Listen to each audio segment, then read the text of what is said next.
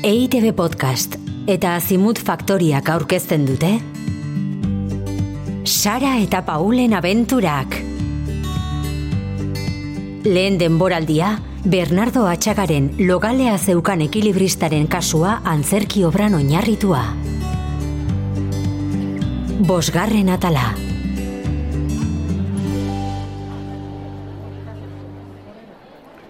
Maria Txorakeri, Maria Txorakeri. Jaun Andreak, gure historioan etenalditxo bat egin behar dugu. Ipuñaren protagonistak joan egin dira.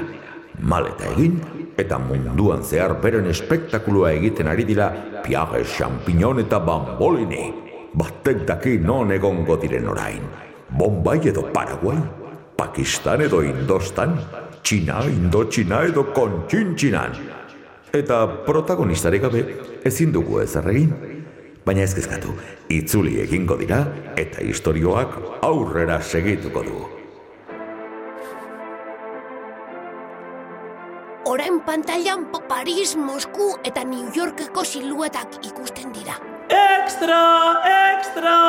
Maritxorakeri periodiko saltzailez jantzita atera da. Kapelu berezi hoietako batekin? Hori da.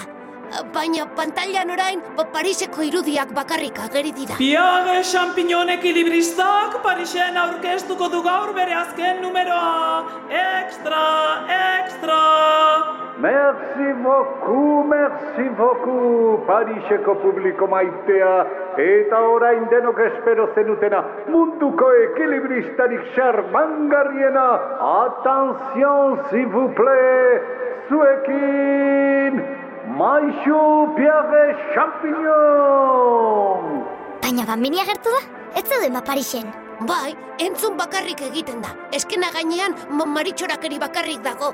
Orain Moskuko Eliza raro horren silueta ikusten da. Irakurri! Irakurri azken berriak! Il piccolo circo di Bambolini Moskura llegatu da jadanik! Irakurri azken berriak! Incredibile, incredibile, Maixu Piages.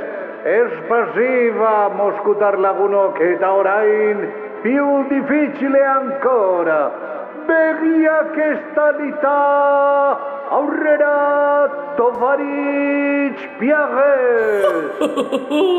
Notizia bero beroak! Piage champignonek gaur bere gira rakastatxoari bukaera emango dio New Yorken! Notizia bero beroak! Eta orain New Yorkeko etxe horratzak bakarrik ikusten dira, ezta? Zeinen azkarra zaren Sara. Txalo bero bat gure ekilibristaren zat. Thank you very much, ladies and gentlemen. Eta honela bukatzen da gaurko espektakuloa Goodbye New York, Arrivederci America.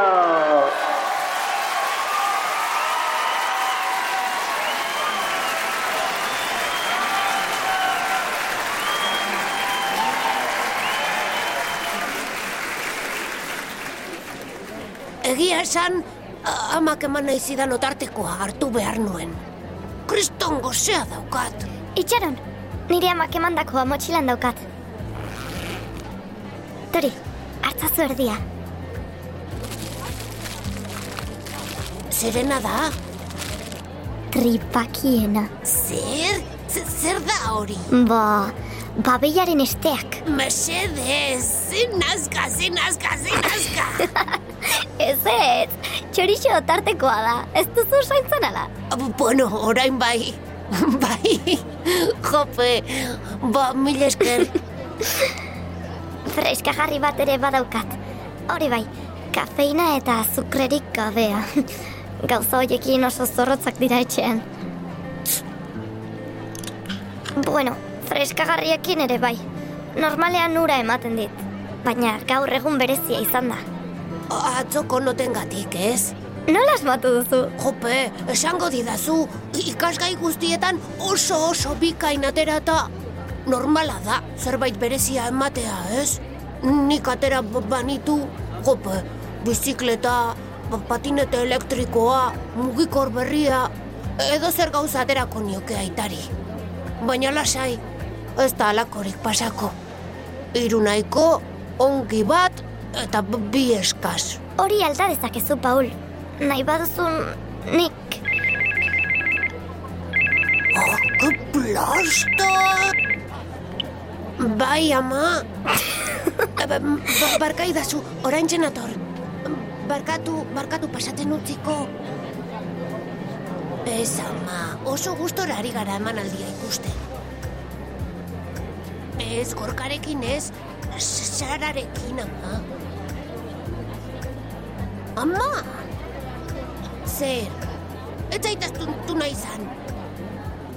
Jate bale, ja, ba, ba, ba, nik kontatzen diot ze gertatzen den. Gainera, berak ez du inoren laguntzarik behar. E, Ezagutzen dudan neskarik azkarrena da. Baietz, bai, hala porai. Ba, ba, barkatu berriz ere. Mila esker.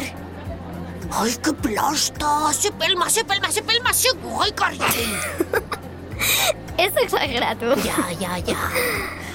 Aizu, ge- geratzen zaizu beste otarteko zati bat. Inoiz jandudan txorixorik goxoena da. Noski, Paul. Tori.